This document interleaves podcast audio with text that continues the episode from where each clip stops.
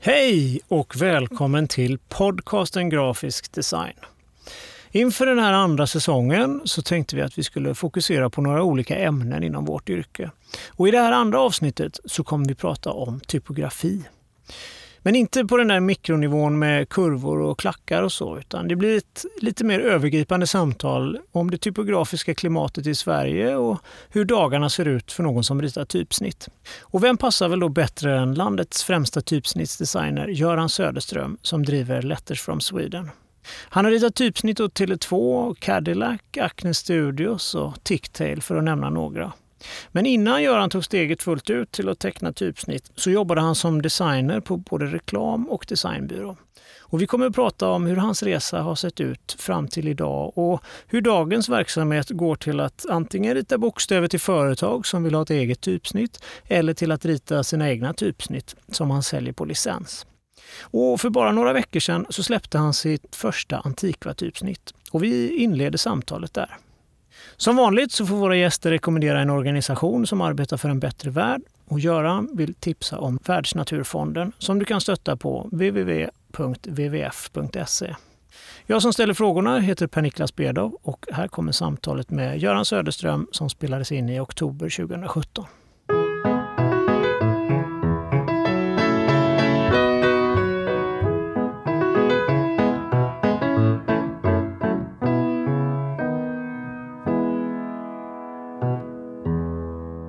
Välkommen Göran! Du har precis släppt en Antikva döpt efter din son. Ja, mitt första försök till att göra något väldigt, väldigt seriöst typsnitt skulle jag vilja säga. Ja, men jag har lagt in en liten annan växel på, på Ivar. Och det har väl att göra med att jag har ritat så otroligt många typsnitt innan som är eh, mera åt det andra hållet. Så jag har alltid varit sugen på att göra en antikva och, eh, men inte haft någon riktigt bra idé. Och sen så blev jag lite tvungen att göra en typsnitt till Ivar, för Sira hade fått ett typsnitt. Och det är din dotter? Det är min dotter. Hon fick ett typsnitt samma år som hon föddes, så det hade jag förberett lite innan. Men sen när Ivar föddes då kände jag så här, men det är klart att han också måste få ett typsnitt. Då tog jag tag i den här idén att göra egentligen en serif-version av typsnittet Siri. Jag tänkte att de skulle se ungefär likadana ut. Och det var grundtanken, liksom, att det skulle bli någon slags syskon till Siri. Alltså om man tänker typsnittet. De, och de är ju syskon förstås.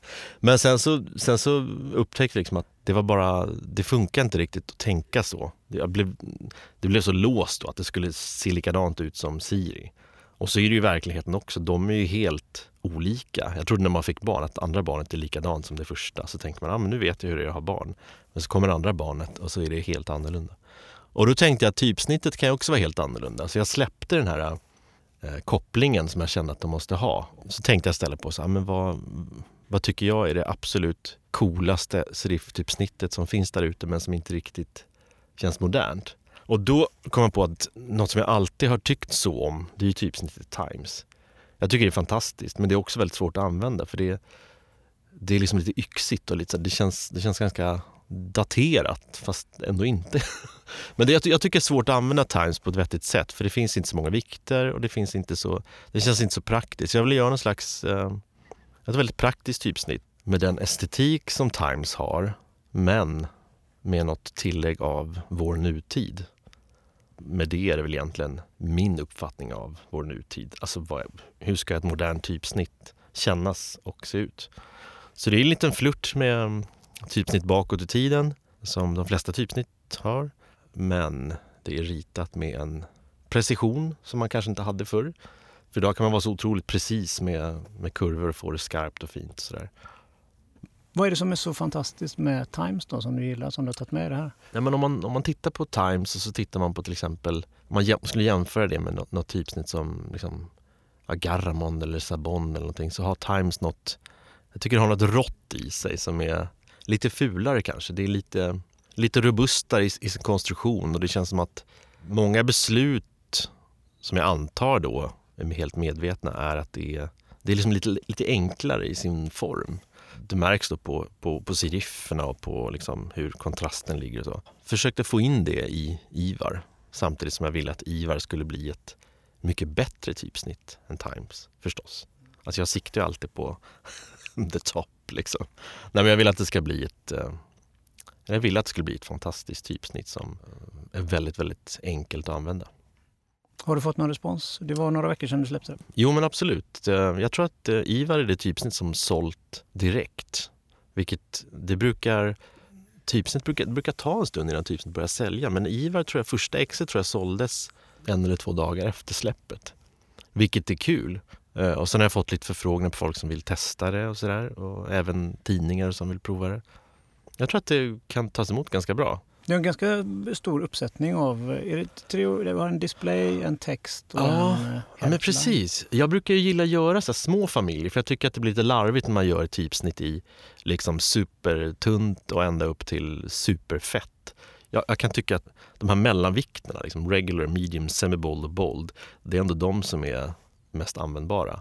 Och jag tycker också de som är, som är snyggast, där man får fram liksom detaljer och, och kontrasten på ett mer naturligt sätt. De här extremerna, jag förstår att folk gillar det också men, men jag känner mig lite mer så här i mitten, lite så lagom. Så jag har valt att inte göra eh, så många olika vikter. Men däremot har jag istället gjort optiska vikter, tre stycken. Så typsnittet finns ju då i eh, regular, medium, semi-bold och bold. I rak och kursiv och sen så finns det också i tre optiska vikter, de här då. Så totalt 24 fonter. Då.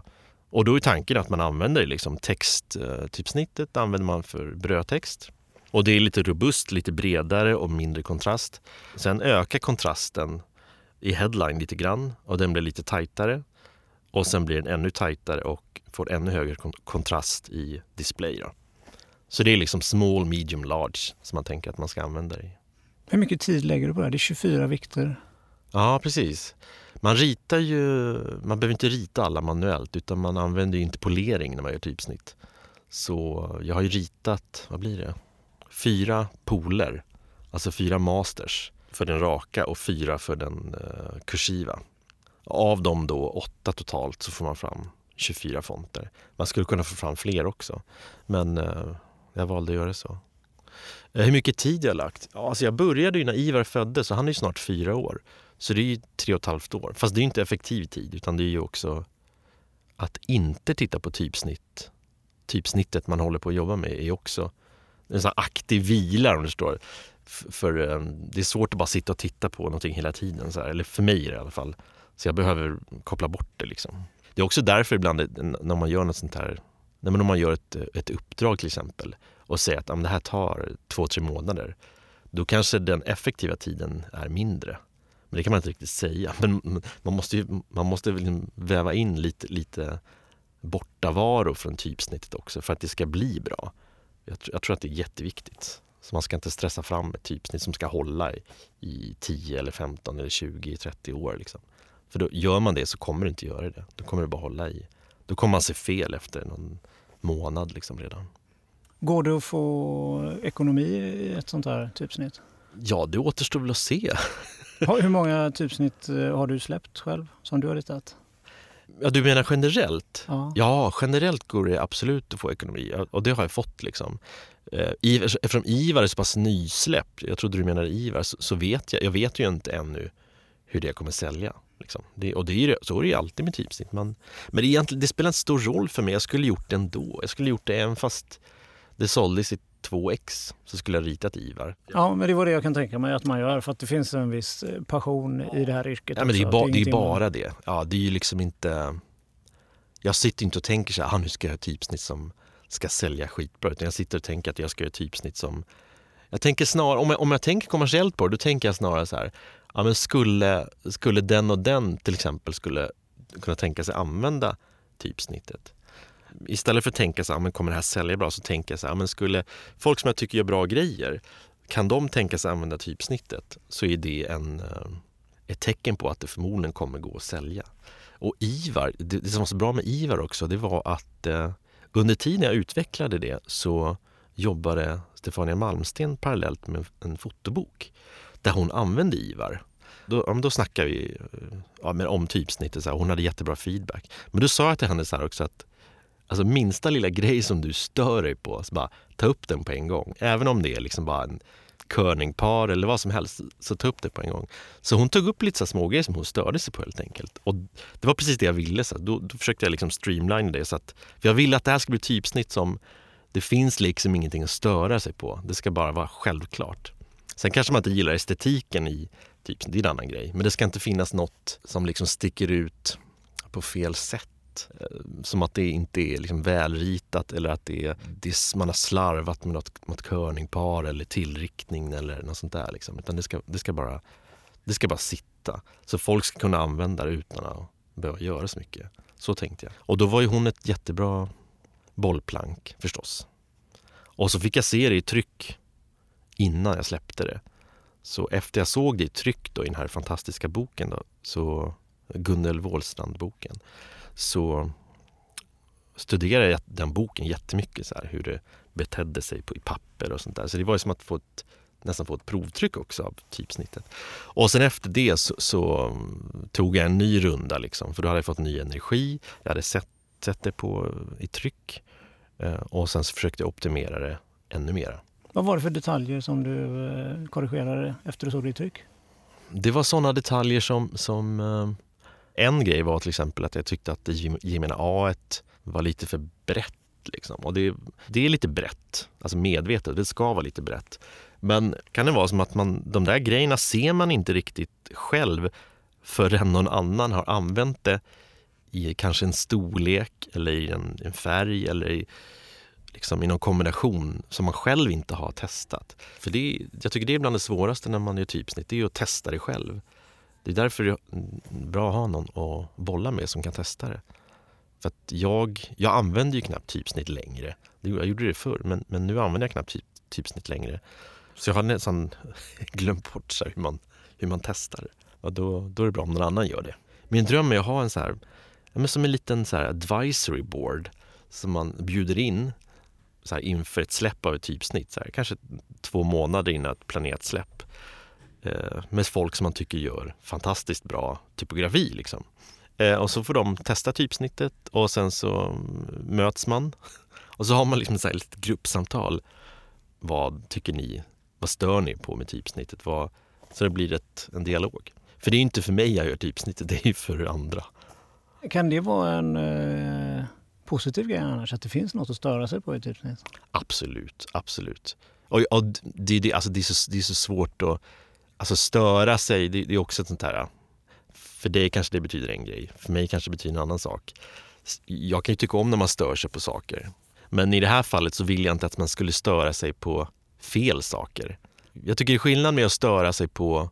Jag kan ju störa mig på om ett typsnitt är slarvigt gjort. Alltså så här, man har glömt någonting. Men däremot så stör jag mig inte på om det är inte ritat enligt liksom, vad man, hur man normalt sett brukar rita typsnitt man kan väl säga att det finns en, en skillnad på, tycker jag i alla fall, medvetna fel inom citationstecken och omedvetna fel. För omedvetna fel tycker jag upplevs, det blir lite amatörmässigt. Men jag ville att man inte skulle störa sig på någonting i det här typsnittet på grund av eh, att jag då skulle ha slarvat eller glömt eller inte testat det tillräckligt. Utan ville att det skulle bli så här att det verkligen bara, ja, wow. Sådär. Du är aktuell med ett annat typsnitt också, läste jag i tidningen, för eh, Östberga. Ja, precis. Eller ja, det är inte jag egentligen, utan det är barnen som har gjort det. Men det var ett kul projekt med eh, Daniela Kish Juval där eh, hon skulle göra ett, en utställning för Östberga och ville jobba med lokala, lokala människor som har en koppling till Östberga. Och då hittade hon mig, för jag är uppvuxen i Östberga och så träffades vi och från början var väl tanken att vi kanske skulle säga, ja men utställningen kan ju ha något av dina typsnitt. Det var, det var grundtanken för det kändes mest görbart. Men så satt vi och diskuterade lite och så kom, kom vi på idén att eh, varför inte låta barnen göra sitt eget typsnitt? Istället för att jag skulle göra det. Först tänkte man kanske att ska jag göra ett, ett Östberg-typsnitt, vilket också hade varit kul. Men det kändes också lite så varför då? Det är bättre att barnen gör sitt eget typsnitt. Och då finns det en grej som jag har gjort med, med studenter lite tidigare som jag berättade för henne och som hon då i sin tur tog upp med eh, Stockholms stad. Och det är att eh, man bara kör en sån här, eh, slänger ut papper på golvet så får folk gå loss och skriva med tuschpennor. Och så blir det vad det blir. Alltså man lägger sig inte i så mycket utan man bara säger skriv eh, ja, men A till Ö liksom och eh, siffror. Och så blir det vad det blir. Sen tar man det, det det blir och så försöker man plocka ut det som, som fungerar. Och så sätter man ihop det till ett typsnitt. Så här, jättesnabb process. Bara skannar in, jag bygger fonten. Så vi gjorde det. Och där hade vi ju tur för att vi hade ingen aning hur det skulle gå. Skräcken var ju att det skulle bli, eller att, att barnen skulle vara blyga. Men du vet, man lägger ut papper och ger pennor. Så kom igen, nu kör vi. Och så är det ingen som vill. Eller så, man kan tänka så här, men de kanske tycker det är jättetråkigt. Det är kanske bara vi som tycker det är kul. Hade ingen aning. Men det blev ju verkligen tvärtom. Papperna tog slut liksom, och de, alla ville ha men du vet, pennorna tog slut. Eller de tog inte slut, men de, man fick dela med sig av pennorna för alla ville göra. Så, kom det, så det blev världens drag och eh, det gick jättefort att göra det där. Och det slutade med att vi hade massa rullar papper som eh, Daniela sen fick skanna in. och så skickade hon dem till mig och så byggde jag typsnittet. Och så blev det vad det blev. Och sen så använde hon det. Det var också roligt för att um, jag kan ibland ha lite svårt att se hur, hur jag är liksom ingen bra grafisk formgivare i grunden. Jag har liksom aldrig tyckt det. Utan, så jag kan, jag kan, ibland kan jag ha svårt att se så här, men vad kan man göra av det här. Liksom det här Östberg-typsnittet. Jag har svårt att se det. Jag tänker så här, men det är typsnittet. Fine, nu är jag klar. Så här. Men eh, sen gjorde hon en, en fantastisk katalog då, för Stockholms stad där hon använde typsnittet så här, otroligt schysst liksom, på en riktigt stor så här, fin trycksak. kombination med, då, med Times. Så här, jättefint. Och då, då var det som att så här, ja men just det, så här kan man använda typsnitt. Och så, så växte det ännu mera. Så det var ett jättekul projekt.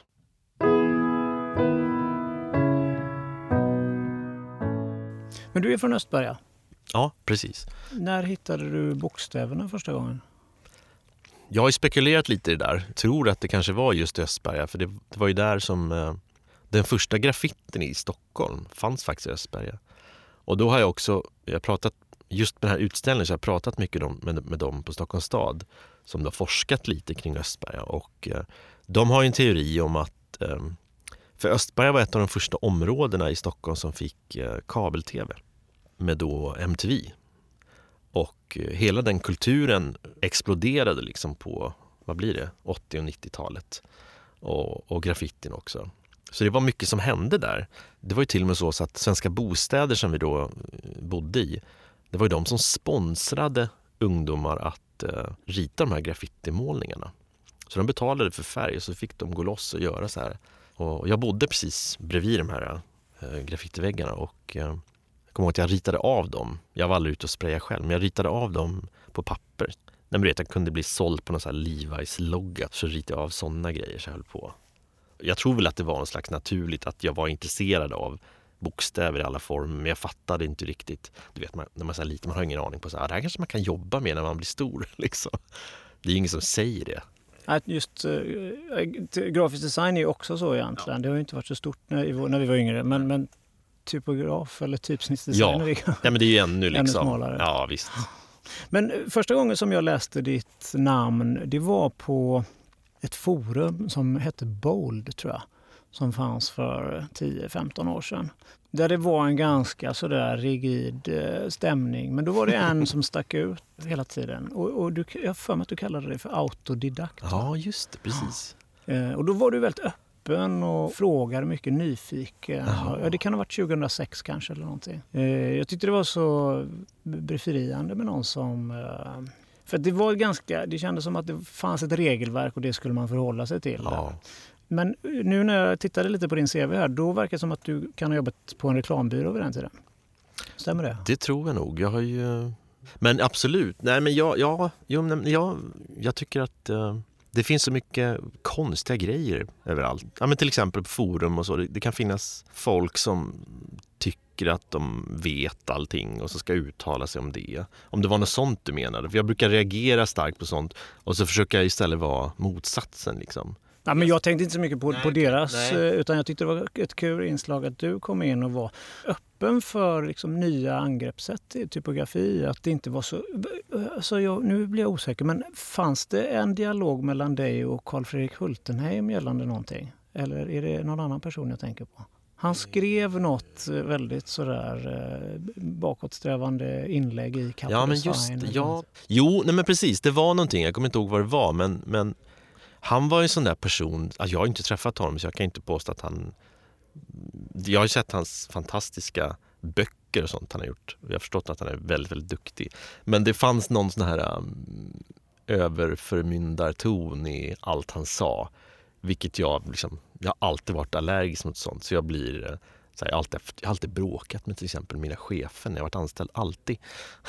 så jag har något sånt där inbyggt i mig att, att jag... Eh, Ja, men om jag tycker att någonting är liksom orättvist eller, eller fel eller du vet på något sätt så, så har jag liksom inga problem med att säga det. Oavsett till vem det är. Så då, då brukar jag då ta den konflikten. Och säkert så upplevs jag nog, eller kan upplevas ganska jobbig då. Framförallt när jag var yngre. För då kanske jag inte hade tänkt så mycket innan när jag sa saker, men jag reagerade ändå. Idag är jag lite lugnare, men säger också ifrån om jag tycker att någonting är fel. Liksom.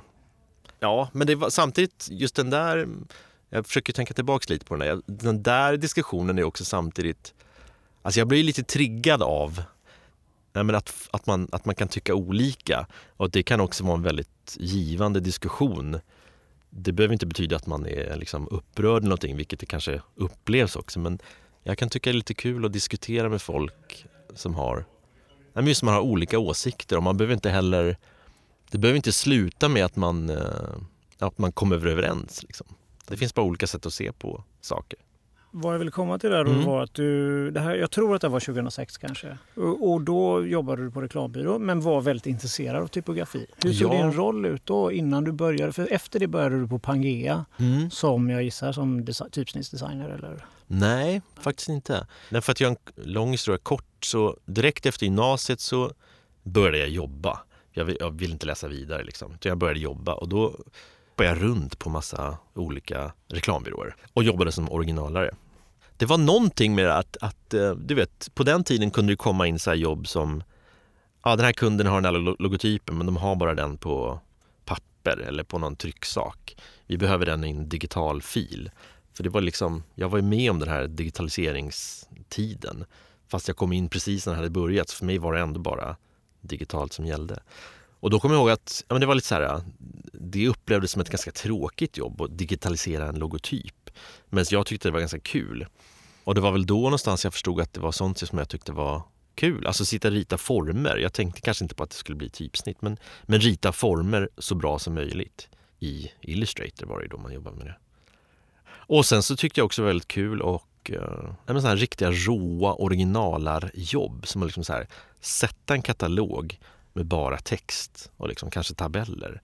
Jag kunde gå all in på det och göra det så här eh, till ett, eh, nej men du vet verkligen så här, jobba med typografin så här extremt mycket så att det verkligen bara, det bara sitter och göra så här eh, fina mallar i design så att det liksom det var så här, jag, gillade jag har alltid gillat struktur. Bra typografi tycker jag är struktur och, liksom, och lite logik också, att det funkar. Så jag har alltid gillat sådana typer av jobb. Jag blev den som, som liksom gjorde logotyper och lite sådana typer av jobb för att kanske folk märkte att jag gillade det. Sen började på Pangea. Då var ju det enda företaget i Sverige som eh, rörde vid den processen att göra typsnitt ibland. Och då, på den tiden så gjorde ju vi och de typsnitt bara ibland. Det kanske var liksom så ett om året. När det här då uppdraget som då kom in ett, ett om året gjordes så var jag med på det helt enkelt. Och då förstod jag väl också att ja, men det här var ju fantastiskt kul och det här kändes som att jag hade ja, men det kom lite naturligt för mig att, att, att göra typsnitt. Jag jobbade faktiskt ganska länge där, jag har inte tänkt på själv, men det var ju säkert några år. Men i alla fall, 2007 till 2011 kanske? ja kanske. Du har, du har kollat upp det. Ja. Ja, du kanske startade din egna verksamhet Jag 2011 parallellt? Ja, precis, exakt. Nej, men sen det som hände var ju att eh, den biten, alltså göra typsnitt, ökade ju ständigt. Så här, men, eller inte ständigt, men det ökade sta- långsamt men stadigt så ökade det. Så det blev fler uppdrag för varje år. Liksom.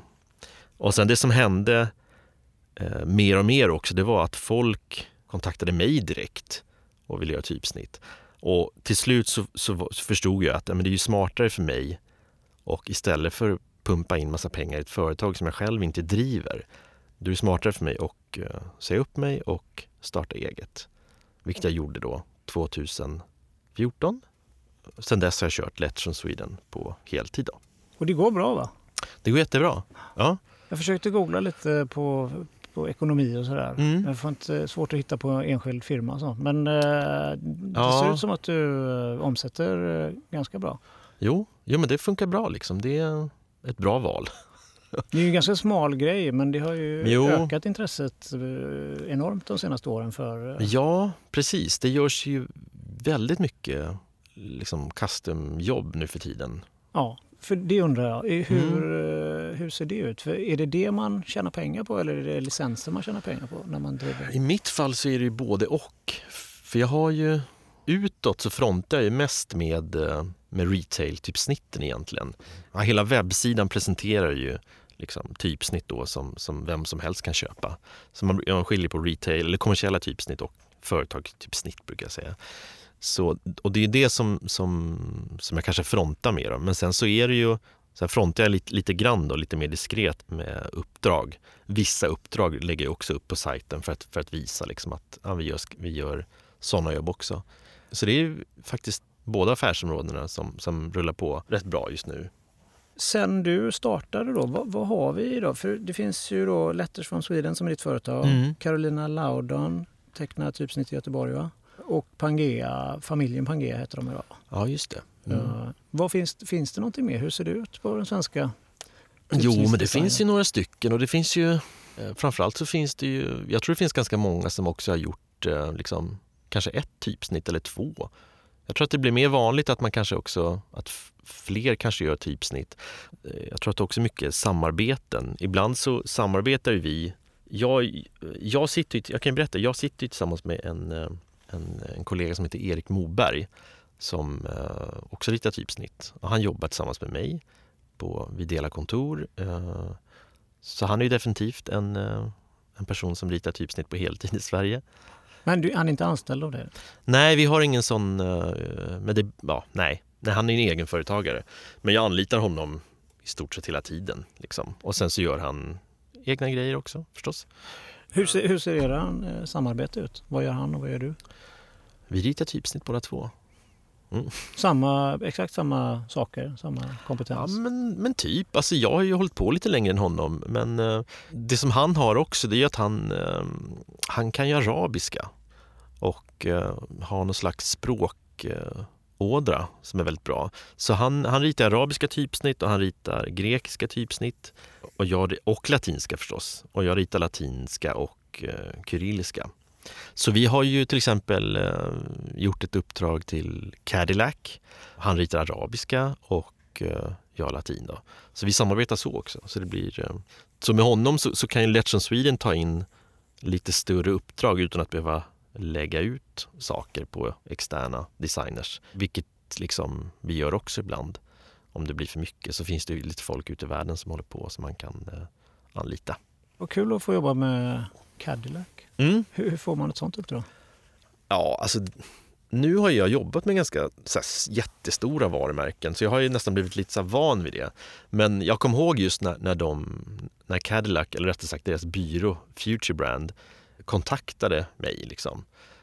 Och då, det var ju så här, du vet man bara okej. Är det en amerikansk byrå? Ja, amerikansk byrå. Det kändes så stort så att det var så här, det, det kändes inte riktigt på riktigt då. För det var, jag tror det var det första riktigt, riktigt stora uppdraget som också, där man förstod vilken, vilka typer av uppdrag det finns där ute i världen och att Letters from Sweden faktiskt är en internationell, liksom, vi är med i urvalet när ett stort amerikanskt eller vad som helst företag eh, vill göra ett företagstypsnitt så får vi liksom förfrågningar på det, vilket jag tycker är helt fantastiskt. Och då sitter vi liksom i lilla Björkhagen, jag och Erik, i en liksom liten ombyggd lägenhet och bara tycker att det är fantastiskt roligt allting. Och så får man eh, förfrågningar. Det, är så, det, är väldigt, det kändes, kändes väldigt stort när det kom. Det har varit flera sådana stora uppdrag, så det verkar vara att sådana uppdrag kommer in, vilket är jätteroligt. Vilka är de andra uppdragen? Jag får inte prata om allting tyvärr. Um, är det något du kan nämna? Ja, men ett, ett som också kändes sådär, också så här extremt stort, det var ju det är ett försäkringsbolag i Hongkong som heter A&A, alltså AIA, som då kom in via en, en, en designbyrå i Singapore, tror jag det var. Och då satt jag och jobbade med försäkringsbolagets inhouse-avdelning i Hongkong. Så att vi och skypade. Jättekul! Alltså så fantastisk de har ju liksom ett annat sätt att göra business på också, så det var ju så otroligt... Och även amerikanska bolag. Jag tycker att det är en så otrolig skillnad mot att, mot att liksom göra ett uppdrag åt ett svenskt företag. Olika kulturer, vilket jag tycker är jättekul. Man lär sig mycket på det. De är väldigt så noga med... Väldigt, det är ofta så väldigt artigt och väldigt uppmuntrande och jag tycker det är väldigt positivt. Men varför jag frågar det här lite grann, vad, vad som finns i uh, Sverige, mm. vilka typsnittsdesigner som finns. Är, för jag undrar lite grann på hur vi står oss internationellt. Jag tycker att det kommer många små foundries över ja, framförallt Europa. Mm. Det är Island, och det är Norge, och det är Holland, och Schweiz, och Tyskland och Frankrike. Och, uh, jättemycket spännande grejer. Men jag ser inte det riktigt i Sverige. Men det är kanske jag som inte har ögonen öppna. Nej, det är väl inte så många som gör, eh, om du tänker liksom retail-typsnitt, alltså som, som, som, går ut och eh, marknadsför sig själva som ett foundry som släpper typsnitt åt hela världen. Det är väl inte så många som gör det i Sverige, vad jag vet. Vad kommer det sig då? Jag vet inte. Kanske ingen som vill. jag vet inte. Jag tänker att vi har ju så många som utbildar sig inom design, grafisk mm. design. Det borde ju vara några som, som eh, ja. glider över och, och börjar teckna typsnitt. Eller har vi en? Vi är ju, jag vet alltså, ja, ja. Vi är ju, rent historiskt är vi väl ganska svaga i Sverige. Vi har Karl-Erik Forsberg va? Ja, ja, det har inte hänt så mycket här tycker jag heller faktiskt. Eh, jag vet, jag vet inte varför. Det kanske är så att eh, Sverige, vi är ju ändå ett ganska litet land. Liksom, och det, det kanske inte jag vet, jag har, inget, jag har inget vettigt svar på det. För mig känns det bara självklart att, att göra det. Liksom. Det är inte så uppmuntrande klimat tycker jag, rent typografiskt i Sverige. Nej. Dels så finns det då de här eh, som vi pratade om tidigare, Carl Fredrik Hultenheim till exempel. Mm. Och, som, där det varit väldigt dogmatiskt att så här är det, det är Penguin-reglerna som gäller. Mm. Ja. Och så finns ju eh, Stockholms typografiska gille där man måste bli rekommenderad av två oberoende personer för att mm. få vara med där. Det är extremt elitistiskt. Mm. Det är det mest knäppaste idé jag har hört egentligen. Mm. Jag var jätteintresserad av typografi för 10-15 år sedan mm. frågade några, så kan, får man vara med där? Eller, nah, du måste bli rekommenderad där. Och, eh, och det, ja. Jag är ju fortfarande intresserad av typografi men jag menar det där dödar ju... Ja. Varför inte ta tillvara på den promillen som möjligtvis intresserar sig för bokstäver i Sverige? Ja, ja det där är en, eh, en stor fråga förstås. Eh, jag har ju varit med i gillet och sen har jag gått ur kan jag säga för att jag tycker inte det är där det händer någonting egentligen. Utan jag tycker att det känns mer som en, en klubb. Liksom. Tycker inte det har så mycket med... Jag vet inte. Jag gick ur i alla fall. Eh, nej, precis. Jag, och jag tycker absolut inte att det, att det är någon, någon positiv eller uppmuntrande ton som finns där, utan snarare tvärtom. Och det var därför jag gick ur. Jag tillsammans med, eller egentligen var en kille som heter Falco för några år sedan eh, startade någonting som vi kallade Typostamtisch Stockholm. Som skulle vara liksom, för, du vet i Tyskland kör de typ Och det är en sån här jättepositiv eh, grej där folk träffas ute på krogen eller på någon lokal och dricker lite öl och pratar typografi och kanske bjudit in någon som berättar någonting på ett mer så här, eh, precis som du säger, mer positivt och öppet sätt. Så vi ville göra det i Stockholm, eller han ville det och då hakade jag på där och ville vara med. Så vi körde det några gånger. Men det, det var också, det var svårt. Jag vet inte, det var svårt att få till dels att folk kunde, så det blev liksom, det växte, det växte inte och tog till sig utan det blev att det blev samma fem, sex personer som kom varje gång. Vilk, vilket inte är något fel, men det blev inte liksom det här... För jag tycker, har man sån här grej ska man... Det är kul att gå och dricka öl också med folk sådär, men det måste, jag tycker det ska vara någon blandning så att det finns någon slags professionell agenda kanske. Där man kanske tar upp saker eller diskuterar saker eller har någon som föreläser i kombination med liksom, socialt trevligt. Sådär. Men det dog ut lite av sig själv och kanske tidsbrist och så. Men, men jag håller med, det vore, det vore mm, kul att ha något sånt i Sverige som kanske är lite mera som det är i till exempel Tyskland där det är väldigt, väldigt trevligt. Liksom. Och det är ett helt annat klimat där också, det märker man ju. Jag känner ju folk där. Det anordnas, anordnas ju mer grejer. Nej, men folk är lite mer så här kompisar kanske. Och uppmuntrar varandra istället för att se sig som konkurrenter kanske. Jag vet inte. Jag tycker att eh, typograficirkeln som mm. eh, Nils Jarlsbo och av hans kollegor startade där för tio år sedan. Eller ja, okay. ja. Gick du på det någon gång? Nej. Nej, jag visste inte om att det fanns då. Jag mm. vet, att de, jag vet om nu att det fanns, men inte då. Det var ju ett jättebra initiativ. Det kom ju mycket folk på deras... Eh, och de blandade, de tog in... Första föreläsningen tror jag handlade om typografi och arkitektur. Om Peder Alton kanske var där och mm. pratade och så var det om Swabach typsnitt och Ludvig Grandin var där och pratade och det var en tatuerare och sådär. Så de blandade olika typer av skrift och sådär. Det var jättekul. Något sånt skulle man ju gärna se igen. Att Verkligen. Det kom. Dra igång något du. Ja, jag har tillräckligt med att spela in den här podcasten. ja, ja, precis. Jag tror det blir du som får göra det. Ja, jag har en massa typsnitt jag måste göra. Ja. Nej, men, det är väl det, men det är väl det där, jag tror att, och jag tror att kanske många känner så också att det vore jättekul om det fanns no någonting sånt, men jag har inte tid att ordna det. Det är väl det. Liksom. Att man har själv så mycket på sitt bord ändå. Men uh, jag skulle, om det fanns något sånt skulle jag absolut gå på det. Jag skulle absolut gå dit och snacka liksom allt.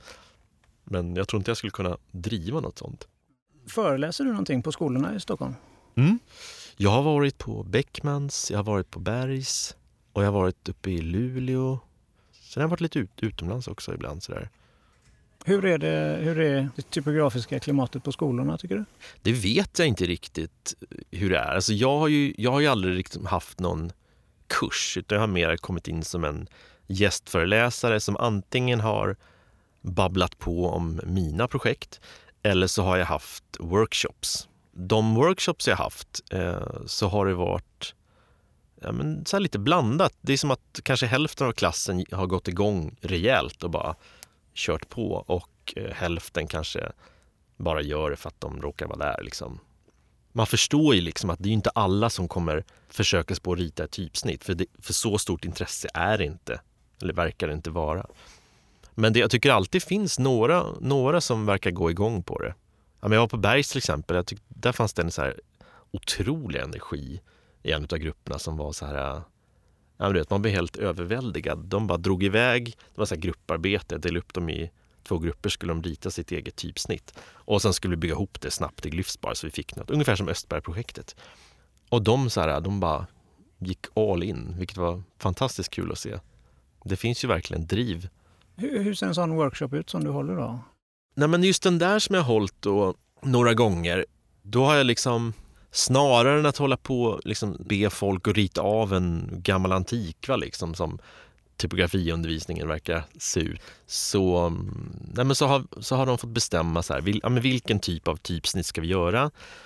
Och, och eh, delat in sig i grupper, snackat ihop sig och sen har, har vi liksom kört mer så här, vad ska man säga, snabbt och ja men så snabb, snabb workshop. Rita det här så snabbt ni kan och sen så bygger vi typsnitt så blir det klart.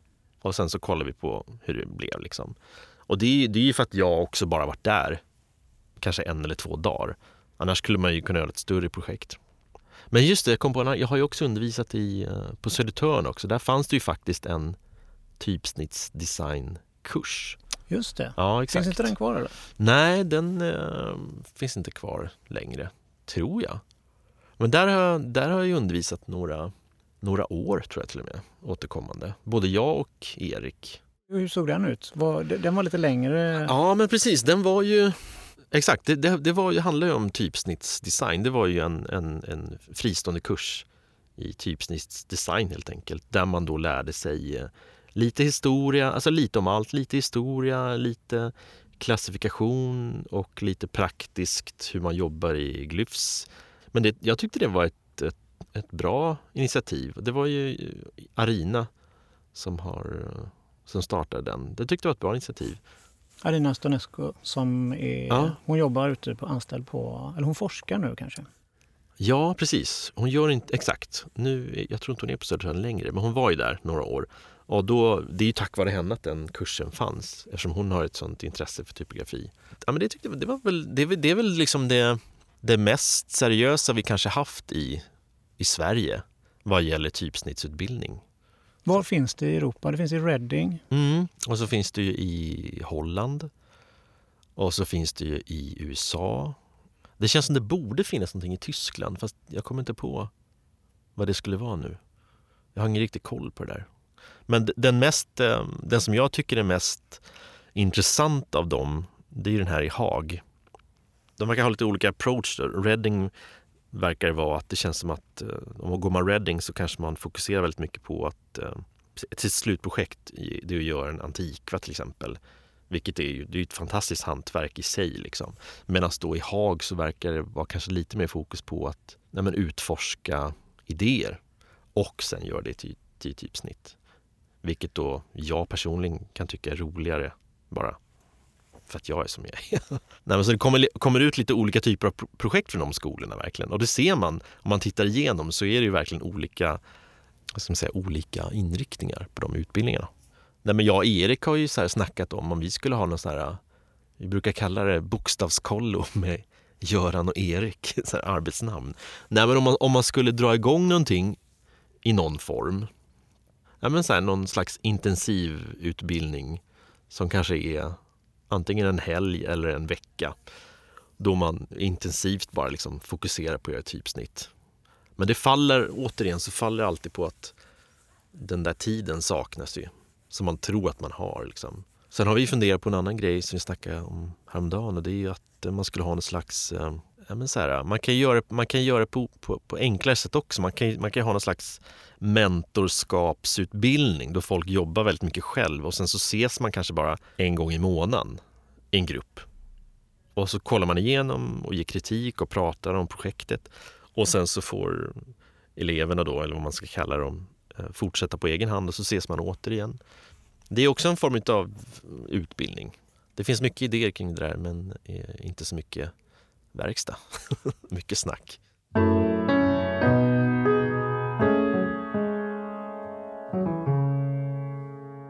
men du ritar ju dels egna typsnitt själv och sen så säljer du typsnitt som andra designers har gjort under, och säljer det under Letters from Sweden. Hur ser eh, verksamheten ut där och relationen med dem som du jobbar med? Ja, nej men den, den ser ut som så att de, majoriteten av typsnitten eh, har jag gjort och det är för att eh, ja, jag har startat företaget och allt. Sen så, jag tar gärna in liksom andras typsnitt om det, om det känns som att de passar in i katalogen. Och då har jag till exempel, eh, ja, min kollega Erik har ju ett typsnitt som heter Ferry som han har ritat. Men sen finns, finns det också eh, många typsnitt som är samarbeten. Excel Display till exempel är ett samarbete mellan mig och uh, Olle, och Olle Excel via då hans, uh, hans familj och deras representant. Och där ser det ut som så att eh, jag digitaliserade och utvecklade ett alfabet som Olle Excel tecknat. Och sen så ehm, släppte vi det som ett kommersiellt typsnitt och så splittade vi 50-50 på intäkterna helt enkelt. Sen så är jag, jag är väldigt noga med att eh, nämna alla som varit med i projekt. Så även om det är viss, vissa typsnitt har jag kanske ritat helt själv men så har jag fått bra input från folk. Uh, och då vill jag gärna att de står med som som meddesigners. För jag tycker det är viktigt att nämna folk. Och då betalar du ut royalties? Ja, till... men precis. Exakt. Sen så då varje månad så, så har jag en, ehm, en intäktsrapport på vilka typsnitt som har sålts och hur mycket och så. Och sen så, ja, så delar jag ut royalties till de som är inblandade helt enkelt. Det låter som ganska mycket pappersarbete. Ja, det blir ju det. Och det är därför som jag inte försöker blanda in för många. Alltså jag tar verkligen bara in andra designers om det känns som att det är någonting väldigt vettigt. Liksom. Man skulle kunna göra en annan grej. Man skulle ju kunna bara ta in massa typsnitt och släppa. Det är också, men då skulle, då skulle min roll bli någonting annat än vad den är idag. Alternativt att man skulle anställa någon som var mera, eh, som tog hand om den biten då. Hur ser framtiden ut för Letters from Sweden nu? Ja, bra hoppas jag. Nej men den, alltså, den ser ut som dagsläget skulle jag väl tro. Alltså fortsätta göra fantastiska typsnitt. That's it. Det är en ganska enkel affärsidé att göra otroligt fantastiskt bra typsnitt. Sen om det är till eh, om det är kommersiella typsnitt eller om det är uppdrag till kunder så är det ju målet och affärsidén alltid detsamma. Det är att göra det absolut bästa som går av situationen. Sen är det så med, med just uppdrag till, till kunder. Där finns det ju, där finns det en, en, en parameter som ofta är viktig och det är tiden. Och tiden kan ju ibland göra att, att man kanske inte når ända, ända fram tyvärr. Men, då, men det är ju ett medvetet val också för det kanske, det kanske räcker så. Liksom. Det är ändå ett, ett, en bra produkt man har tagit fram. Liksom. Men den kanske var tvungen att vara klar den och den tiden fast man inte egentligen, man kanske hade behövt den två veckor till. Liksom. Men finns det några planer på att anställa någon? Jag vet inte. Jag tror att eh, för mig handlar det nog i sånt fall om att först jag, kan, ja, men för, jag tror att om den frågan kommer upp så måste, då handlar det i sånt fall att jag hittar en person som jag vill anställa. Liksom. För det, det, finns plats för det, absolut. Du skulle kunna ta in så mycket uppdrag? Ja, jo, absolut. Och det är så att du tackar nej till uppdrag mm. idag? Ja. ja, ja men det gör jag. Absolut. Ja. Det är otroligt bra ju. Mm. Det är, jag tycker, alltså, jag har ju någon, någon slags här, jag vet inte, inbyggt i mig någon slags här arbetsmyra. Liksom. Man vill gärna liksom hjälpa alla men, men eh, det går ju inte, inser jag. Och då gäller det och, ehm, eh, nej men det gäller ju, det gäller ju då att tacka ja till de projekt som, är, som har mest potential att bli bra då. Men sen tackar jag också nej till uppdrag som är, nej men som är rent av liksom, vad ska man säga? I, i, så här, det som, det som jag tycker händer lite idag det är att det finns, om vi pratar om då uppdrags, alltså typsnitt till företag, så finns det två typer av uppdrag. Det ena är ju att, att man vill göra någonting unikt åt ett företag för att använda som ett verktyg liksom i branding. Så här, men vi vill ha ett bra, starkt typsnitt som fungerar väldigt bra. Sen det andra är att man vill, eh, att man vill undvika liksom, eh, så här, licensproblem i framtiden och, och, ytterligare kostnader. Så det kan ju faktiskt vara billigare idag att ta fram ett eget typsnitt än att licensiera ett typsnitt. Och då framförallt för sådana här jättestora företag. För är du liksom, är du Cadillac och kontaktar Linotype och vill licensiera så här, ja men något av deras typsnitt så är det miljonbelopp det handlar om. Vad är det när de kontaktar Letters from Sweden då? Ja, det är betydligt mindre förstås. Det, det beror lite på vad det är för, för typ av eh, typsnitt och hur många vikter och vilken teckenuppsättning. Då det finns ju två typer av beställningsuppdrag tycker jag. Det ena är ju, är ju just när eh, man vill då göra ett bra typsnitt ja, men åt ett företag för att använda som ett brandingverktyg. Och det andra är då att man vill, man vill helt enkelt göra en kopia på ett befintligt typsnitt för att företaget vill äga det och man vill slippa licenspengar. Och de uppdragen som är så ja, vi vill göra typsnitt som är så likt Circular som möjligt, de tackar jag alltid nej till, bara rakt av, liksom, för de är ju meningslösa. Det är så? Företag kommer till dig och säger att de vill ha sitt egna typsnitt som ser ungefär likadant ut? Ja, det händer ofta. Jaha, ja. Okay. Och det, jag tror att det är någon slags...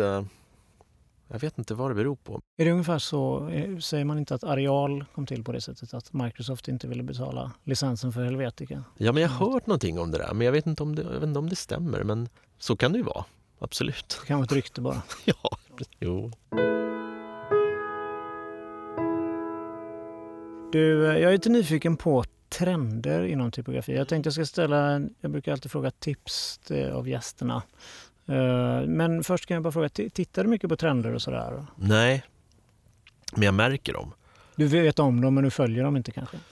Nej, eller det beror ju lite på. Alltså ibland så, alltså vad gäller, återigen så är det två olika sidor. Vad gäller de kommersiella typsnitten så försöker jag absolut att göra motsatsen till trender.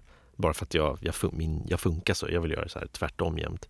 Men sen eh, uppdragen som man gör följer ofta trender. Där kan man ju se lite så här att ja, men, det är väldigt många som vill göra en, geometrisk sans serif till exempel. Och så har det varit hur länge som helst och det verkar fortsätta. Så där handlar det om att försöka tillföra någonting i, i den begränsade världen till exempel, vilket är en utmaning i sig. Så att om jag märker trender så är det väl just kanske i vilka typer av typsnitt som folk vill anlita mig för att göra. Men du håller inte koll på andra små foundries och ser hur, hur det ser ut? Jo, men alltså någon, någon liten generell översikt har jag ju. Men sen är det några som, jag kan också bli lite så här, äh, men det finns ju de som jag tycker är helt, som gör helt fantastiska grejer. Till exempel commercial type, som du känner till. Jag tycker de är så här, de är ju svinbra. Men jag har valt att liksom inte följa dem så mycket som möjligt. För att dels bli stressad av dem, för de släpper fantastiska typsnitt hela tiden. Och sen gör de så mycket bra grejer. Och det är, det är ganska svårt att inte bli ja, men dels stressad och inte heller bli influerad av sånt som är sjukt bra. Liksom. Och då har jag tänkt så här, men om jag, om jag försöker hålla mig borta från det där, vilket är ju jättesvårt för att det är alltid någon annan som retweetar eller visar någonting. Men eh, jag försöker ändå hålla, hålla mig lite så borta från det. Så att om jag kommer på någonting så, så vill jag ändå att det ska kännas som att jag har liksom, det kommer från mig. det här liksom. Något som jag tycker är intressant, både vad gäller eh, när man så designuttryck eller hur man driver ett företag. Alltså allt ifrån det där. Alltså, jag har jobbat på ganska många olika ställen så där, och ja, du vet, man har sett mycket och träffat konstiga människor och allt sånt där. Så en strategi som jag har, det är ofta att här, om jag står inför ett beslut som jag är lite osäker på hur jag ska göra, då brukar jag tänka på människor som jag kanske inte tycker har tagit så bra beslut tidigare. Då brukar jag tänka så här, ah, men hur hade de gjort? Sen försöker jag liksom göra motsatsen. Du vet, man kan lära sig saker genom att göra tvärtom. Liksom. Och det, det, kan ju gälla också dels företagsbeslut, hur man driver företag, men det kan också gälla design av typsnitt tycker jag. Så här, men okej, okay, det är ganska många som har gjort det här och gjort det här, liksom gjort det så på ett speciellt sätt. Och så, så tänker jag, men vad, vad skulle motsatsen vara till det där? Och då kanske man kommer på någonting som är intressant, som är motsatsen. Liksom. Och det funkar rätt, funkar rätt bra. Jag använder det på ganska många olika så plan i livet. Vad är motsatsen till det där? Ja, det är det här. Ja, men jag, jag gör det. Och så funkar det. liksom. ja, men då faller ju min sista fråga här lite, för jag tänkte kolla vad, vad nästa trend inom typografin är. Ja, men det är ju det är för mig väldigt svårt att säga vad nästa trend blir. För eh, dels så använder jag inte typsnitt, så jag vet inte riktigt eh, vad folk där ute gör. Men sen när jag ritar typsnitt så jag, vet inte, jag försöker ändå tänka att, eh, att det ska hålla kanske 10-15 år minst i alla fall. Eh, så att om, man, om jag gör ett typsnitt idag så vill jag att någon ska kunna köpa det om 10 år och inte tycka att det ser ut som ett experiment jag gjorde 2017 för att det var trendigt då. Jag ser lite också typsnitten som eh, någon slags pensionsförsäkring. Nej men du vet, man, sitter, man, man, man lägger ner ganska mycket tid nu då man har kraft och energi och sen så förhoppningsvis så kommer folk köpa det även om ja, men när jag blir äldre. Liksom. Det, det är ganska enkelt. Och det är också ett ganska, om man tittar på typsnitt som, det finns ju alltid typsnitt som återkommer. Alltså som är ritade för hur länge som helst tillbaks i tiden. Sen kanske man har uppdaterat dem lite idag för att de ska bli lite mera ja, tekniskt bättre. Men det är ändå... Kollar man på alla liksom, bestsellerlistor så är det ju typsen som har ritats för 50 eller 100 år sedan som ligger först på listorna. För att de är så otroligt bra. Jag har någon förhoppning om att, att åtminstone ett av mina typsnitt, det skulle räcka. Om ett av mina typsnitt blev ett typsnitt som, ja, men som folk pratar om och har någon slags referenspunkt till även om, efter min död. Det skulle vara fantastiskt tycker jag. Och det skulle räcka med ett. För det finns så otroligt mycket bra typsnitt redan. Liksom. Det blir väl Ivar då? Kanske. Tack för att du kom hit. Tack så mycket.